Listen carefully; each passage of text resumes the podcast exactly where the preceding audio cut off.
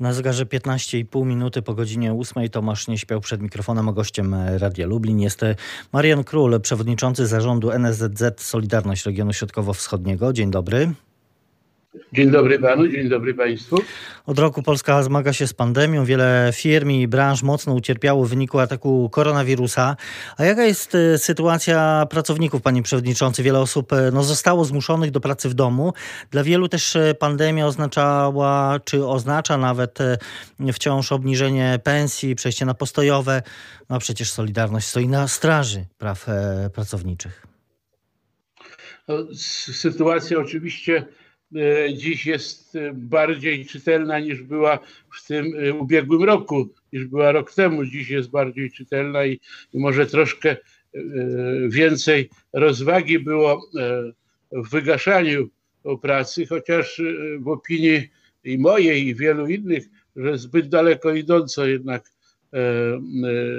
rząd poszedł, że tak powiem, wygaszaniem części pracy, bo bez pracy no nie ma życia. Tutaj nie ma co do tego najmniejszych wątpliwości. Czyli został popełniony ile... jednak e, błąd, jeśli chodzi o e, no, te obostrzenia, które spowodowały, że część firm, część e, całych właściwie branż została zmuszona do zamknięcia? No do zamknięcia, no mówię, to są, niektóre są nie, nie, niezrozumiałe były decyzje, choćby w galeriach, zamiast doprowadzać do tego, żeby ludzie E, koncentrowali się jak najbardziej rozproszony sposób. Teraz widać, że z tym tam nie ma problemu e, w sklepach i tak dalej. Po co e, tym ludziom było odbierać ich możliwości zarobkowania i gospodarowania na życie. To, to mówię, nie, nie, to co były nie, nie. Szereg obszarów było i jest ciągle niezrozumiałych, dlaczego są wygaszone, ale no niemniej jednak E, sama część przemysłowa e, jest, e, funkcjonuje dobrze jak na warunki pandemii. Natomiast ta druga część gospodarki usługowej no ma, ma te problemy i tutaj nie ma do końca dobrych rozwiązań, chociaż żyjemy w takim czasie, kiedy tych środków pomocowych no trochę jest. No, choćby świadczy o tym fakt, że i pracodawcy poszli po inicjatywę, żeby nie pozbywać się pracowników i starają się przetrzymywać, czekają na ten lepszy czas. I w związku z tym rząd może ogłosić, że e, przyrost bezrobocia jest jeden z najmniejszych no w właśnie, Unii e, Europejskiej Panie w całej Europie. No właśnie, bo ogłosił to e, premier Morawiecki, no bo z jednej strony właśnie słyszymy o tym, że firmy upadają przez pandemię, że nie mają na pensje dla pracowników, że muszą zwalniać. No a z drugiej strony premier Morawiecki mówi, że mamy najbliż, najniższe bezrobocie w Unii, znaczy powołuje się oczywiście na, tutaj na dane Eurostatu, z których wynika, że e, w styczniu e, w Polsce to bezrobocie e, wynosiło 3,1%. Czechy na drugim miejscu, a na drugim biegunie, że tak powiem, to Hiszpania 16% bezrobocie. Ale, ale my, my mamy inne parametry w kraju mierzenia i to bezrobocie jest dwukrotnie wyższe niż które podaje Eurostat. Oni tam innym, inne metody pomiaru mają. U nas bezrobocie jest powyżej 6%, 6% e, faktyczne e, i e, ale mówimy o bezrobociu rejestrowanym, bo jeszcze mamy tak zwane bezrobocie ukryte i tym, którzy no po prostu z różnych powodów się nie rejestrują, bo nic im to nie daje, bo, bo nie mają, nie szukają jakichś tak, więc to, to niezależnie, nie, niezależnie od, od, tego, jak, jak jest ono mierzone, no to też właściwie jak patrzeć na tą sytuację? No właśnie, no bo jest, jest jest nisko. stosunkowo niskie, no bo jest jednak mimo wszystko to nie są to jakieś rewelacyjne wielkie pieniądze, ale urzędy pracy mają e, na e, pieniądze na staże, e, a staż to dziś nie kojarzy się tylko z tym, który ukończył wczoraj jakąś szkołę, tylko i dla tych, którzy są po 50 roku życia też to jakby staż taki wprowadzający ponownie w rynek pracy. To są prace interwencyjne,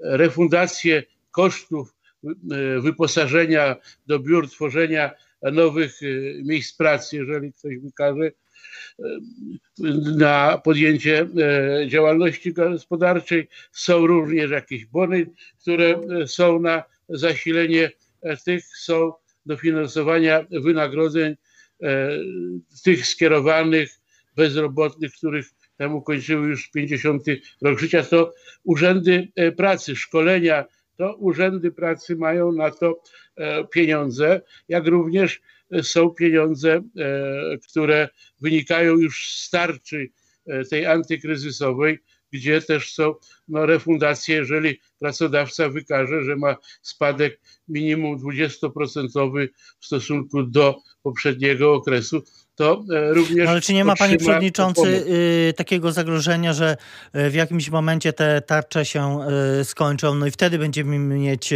To znaczy się, my mamy inny dziś problem, zresztą na tym wózku jedzie e, cała Europa, cała Unia, co najmniej europejska, e, na szereg części tych pomocowych, y, różnego rodzaju socjalnych, państwa w budżecie nie mają naznaczonych pieniędzy, czyli nie mają pokrycia.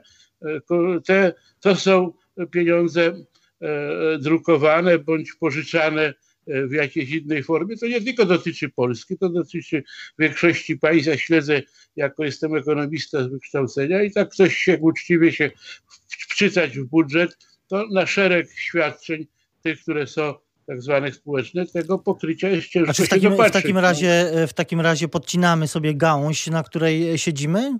No nie, no nie będziemy e, solidarnie e, w, w czasie e, wszyscy w postaci różnego rodzaju danin, kosztach paliwa, gazu, czegoś tam jeszcze po prostu w przyszłości spłacać. No.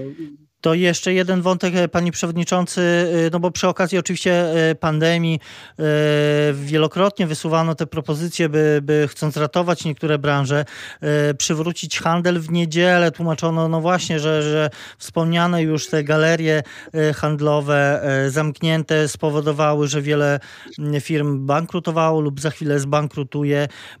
Nie ma pan takiego poczucia, czy nie ma zagrożenia, że rząd w jakimś momencie, patrząc na sytuację, sytuację mm, na rynku e, pracy, ale patrząc także na sytuację budżetową, e, ulegnie tym naciskom? Myślę, że e, najgorsze rzeczy byłoby, gdyby uruchomiono handel w niedzielę. Pieniądza w obiegu jest określona wartość i, i liczba i czy ich wydamy w niedzielę, czy w poniedziałek, czy w piątek, nie wydamy tego, co w gospodarstwie domowym nie mamy. Wydajemy tylko tyle, tylko jako, jako te gospodarstwa domowe i nie potrzeba jest, żeby wydawać ich jeszcze akurat w niedzielę. W niedzielę człowiek powinien się zająć czymś innym, rozważaniem nad swoim życiem, innym nad rodziną, zaopiekować się E, najbliższymi, poświęcić czas na jakieś inne wartości, niezależnie od tego, kto, kto co wyznaje, w co wierzy, ale powinien się czemuś takiemu wyższemu poświęcić niż bieganiu e, po sklepach. E, Panie Przewodniczący, to na koniec tej części naszej rozmowy zapytam o 13 i 14 tak naprawdę emeryturę. Prezydent Andrzej Duda podpisał w poniedziałek ustawę właśnie w sprawie 14 emerytury. Co na to Solidarność? To znaczy ja uważam, że jest to, bo ta 13 i 14 emerytura jest tak naprawdę skierowana do tych emerytów o najniższych uposażeniach, bo jak się przekroczy pewną wartość, to, ta, to, to, to ten udział e, się w pewnym kończy na, na pewnym poziomie, więc jest to skierowana do ludzi o najniższych no ale sytuacja jest taka w Polsce, że to jest ponad 9 milionów osób, e, z czego w pełnej e, wysokości e, dostanie prawie 8 milionów to świadczenie. No bo, bo dziś nasze emerytury są bardzo niskie. Jeżeli ta średnia emerytura jest 2,400, to, to tych takich poniżej 2000 jest bardzo dużo. Także to trafią pieniądze generalnie do tych, którzy dziś jeszcze jak rosną i będą rosły e, ceny, e, te, które są związane z takim bezpośrednim utrzymaniem, związane z energią. Widzimy zresztą na rynku wszystko dziś, jak się pójdzie do sklepu, e, ten podstawowy artykuł, jaki jest jakieś warzywo, jeszcze niedawno kosztowało 8 zł, dzisiaj kosztuje 15. Więc Marian Król... No, więc tutaj, tutaj musi rząd zareagować choćby na to, żeby ci ludzie z głodu nie umarli. Marian Król, przewodniczący zarządu NSZ Solidarność Regionu Środkowo-Wschodniego e, jest gościem Radia Lublin. Ja na ciąg dalszy naszej rozmowy zapraszam na radio.lublin.pl i na naszego radiowego Facebooka. Słuchaczom radia bardzo dziękujemy. Marian Król, e, przewodniczący Lubelskiej Solidarności, jest nadal e, gościem Radia Lublin. Rozmawiamy. No w tej części naszej rozmowy skupimy się na e, tych świadczeniach emerytalnych. 14 emerytura mm, ma być wypłacana z urzędu i na zasadach podobnych jak 13 emerytura. Y, ona trafi do wszystkich tych, którzy otrzymują świadczenie nieprzekraczające y, kwoty 2900 zł brutto. No i myślę, że co ważne, to świadczenie i tutaj ten będzie mechanizm zastosowany złotówka za złotówkę, czyli świadczenie będzie zmniejszone w momencie, kiedy ta kwota zostanie przekroczona ponad 2900 zł. Dobrze?